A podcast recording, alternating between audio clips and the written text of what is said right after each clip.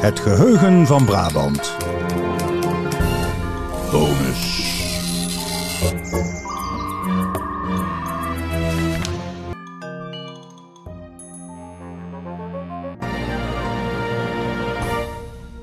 In deze bonus, bij onze aflevering Van Huis en Haard Verdreven, praat Marilou nog even verder met historicus Joost Roosendaal over de enige Nederlander die zijn einde vond onder de guillotine. Dag Joost, welkom in onze bonus. Uh, we gaan het hebben over Johannes Conradus de Kok. Wat is er met deze meneer? Ja, dat is eigenlijk een, uh, een man die uh, totaal onbekend is voor de meeste Nederlanders. Hij, terwijl hij toch een van de belangrijke mensen is die aan de grondslag heeft gestaan voor het moderne Nederland. Ehm, ja, hoe zit dat dan? nou, hij was een advocaat uit Heusden. En een Brabander zouden wij nu zeggen, maar destijds was dat nog Holland. Pas in 1814 is uh, uh, Heusden bij Noord-Brabant gekomen. Uh, Conradus de Kok was uh, uit een welgestelde familie. En eigenlijk was al helemaal duidelijk dat hij ook wel weer een regentencarrière zou maken. In welke tijd moeten we hem ook weer plaatsen? We moeten hem plaatsen in uh, de tijd van uh, de Nederlandse Revolutie. Um, uh, ja, 1780, 1787. Um, dat hij actief is. Hij studeert in de jaren 70, eind jaren 70 in, in Leiden.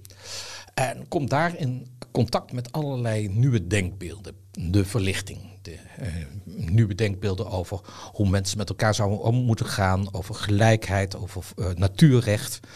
Hij raakt, uh, ja, wordt vrijmetselaar, komt op die manier ook met verlegde denkbeelden in contact. Ehm, hij raakt bevriend met een meisje waarvan de vader uitgever is. Uh, en onder andere um, de uh, publicaties in Amsterdam heeft uitgegeven van uh, Jean-Jacques Rousseau. Een van de grootste filosofen en belangrijke denkers achter ja, de nieuwe ideeën op het eind van de 18e eeuw.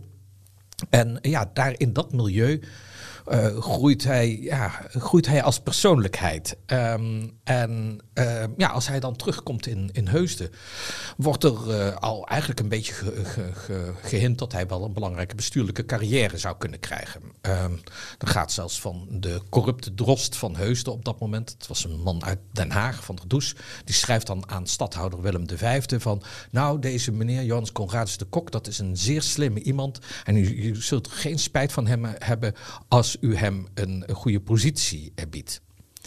Ja, dat was uh, zoals het, uh, de prins van Oranje, Willem V, daarover te horen kreeg.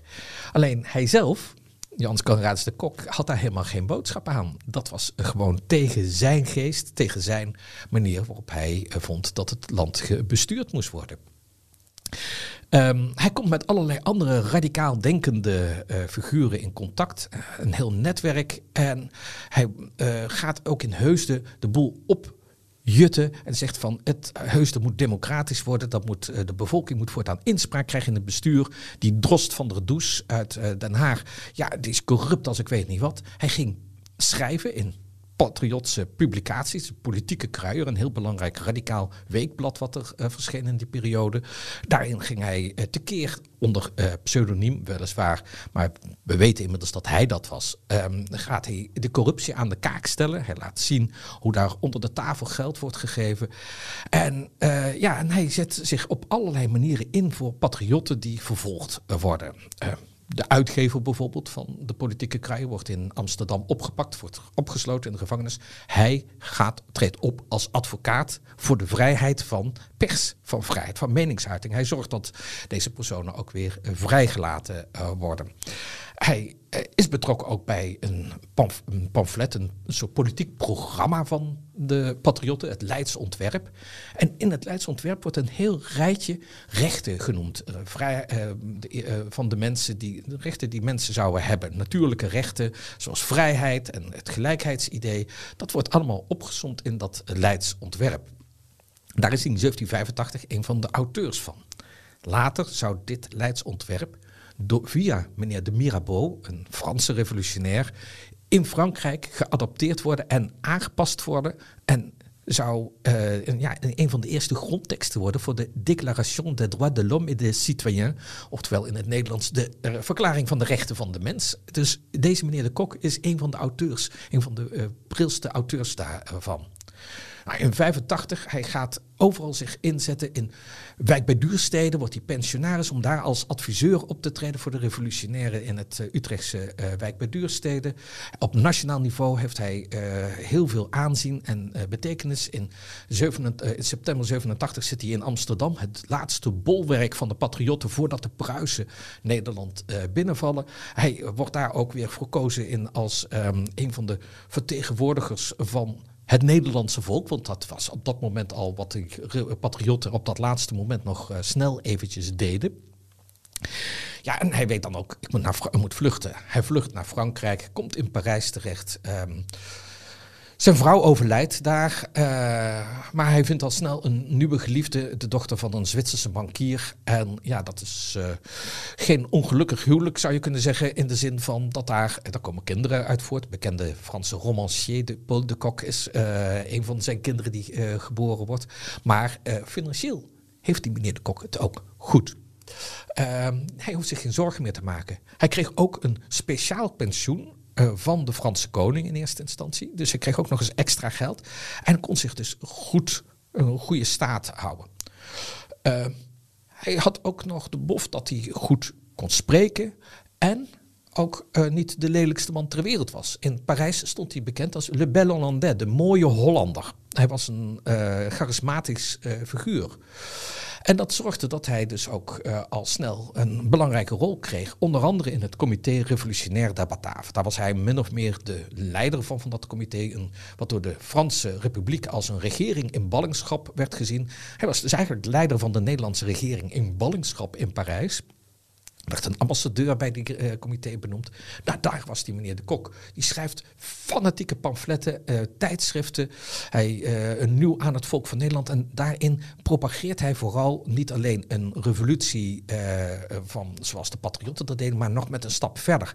Hij vond dat er ook een sociale revolutie moest plaatsvinden. De gewone arbeider die niet veel had, die moest ook inspraak krijgen in het bestuur. Dat is iets wat de, gedurende de hele 19e eeuw niet, uh, nog niet uh, uh, gerealiseerd werd. Maar hij was daar een voorstander van. Ja, we zouden hem nu misschien communist noemen. Um, hij wilde dus echt een, een radicale verbreding van, van het stemrecht was betrokken bij de inval in 1793, heeft in, Geertruidenberg en in, Breda meegeholpen met die revoluties. En, uh, ja, en dan ga, gaat dat allemaal niet door. Robespierre kwam aan de macht, zoals uh, uh, we de vorige keer hebben gehoord. Um, en uh, ja, Robespierre is alsmaar op zoek naar de vijanden van de revolutie, van de republiek.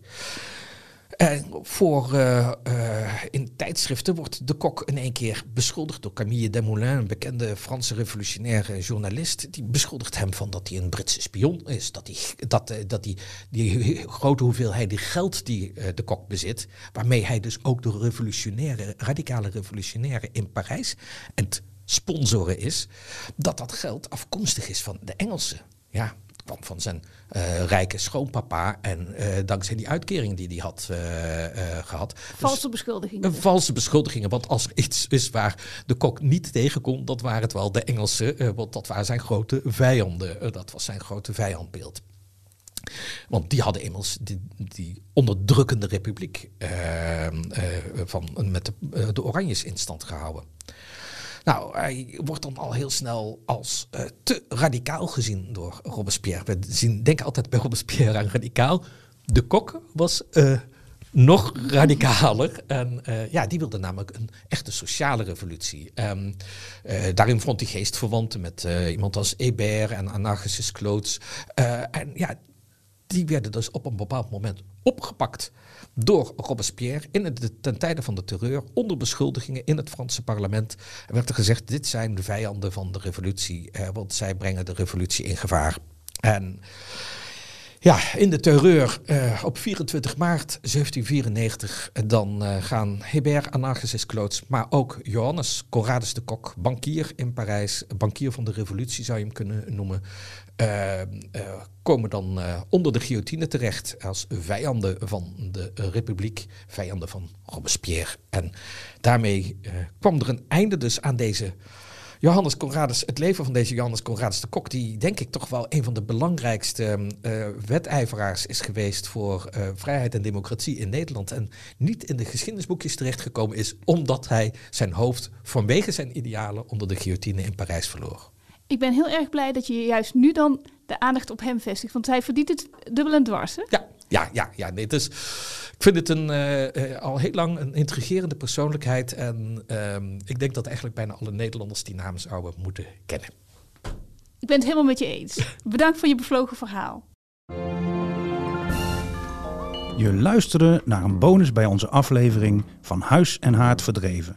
Wil je de hele aflevering beluisteren? Ga dan naar big.nl/podcast.